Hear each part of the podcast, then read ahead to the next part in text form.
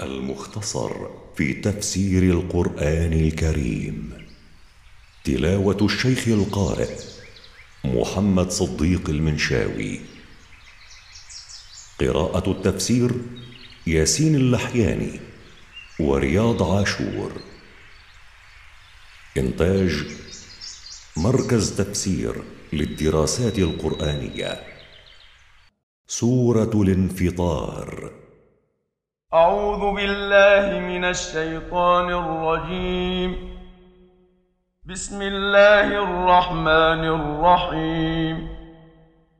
إذا السماء انفطرت.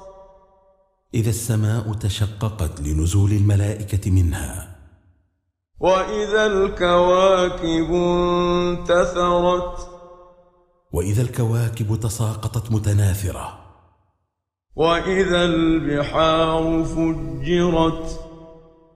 وإذا البحار اختلط بعضها ببعض. وإذا القبور بعثرت. وإذا القبور قلب ترابها لبعث من فيها من الأموات. علمت نفس ما قدمت وأخرت. عند ذلك تعلم كل نفس ما قدمت من عمل وما أخرت منه فلم تعمل. يا أيها الإنسان ما غرك بربك الكريم؟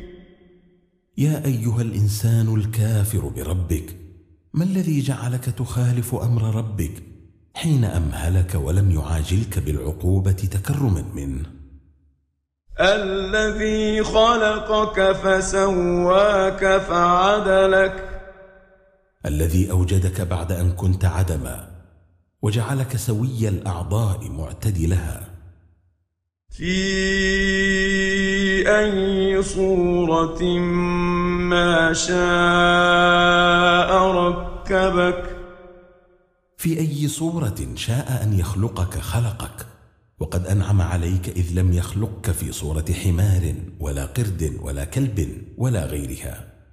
كلا بل تكذبون بالدين. ليس الأمر كما تصورتم أيها المغترون بل أنتم تكذبون بيوم الجزاء فلا تعملون له.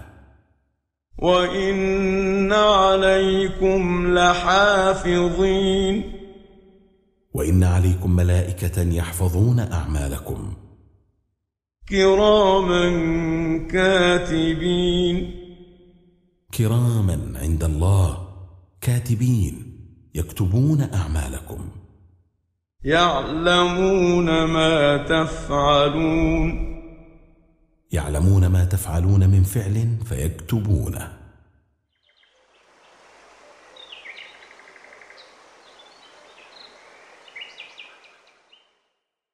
إن الأبرار لفي نعيم إن كثيري فعل الخير والطاعة لفي نعيم دائم يوم القيامة.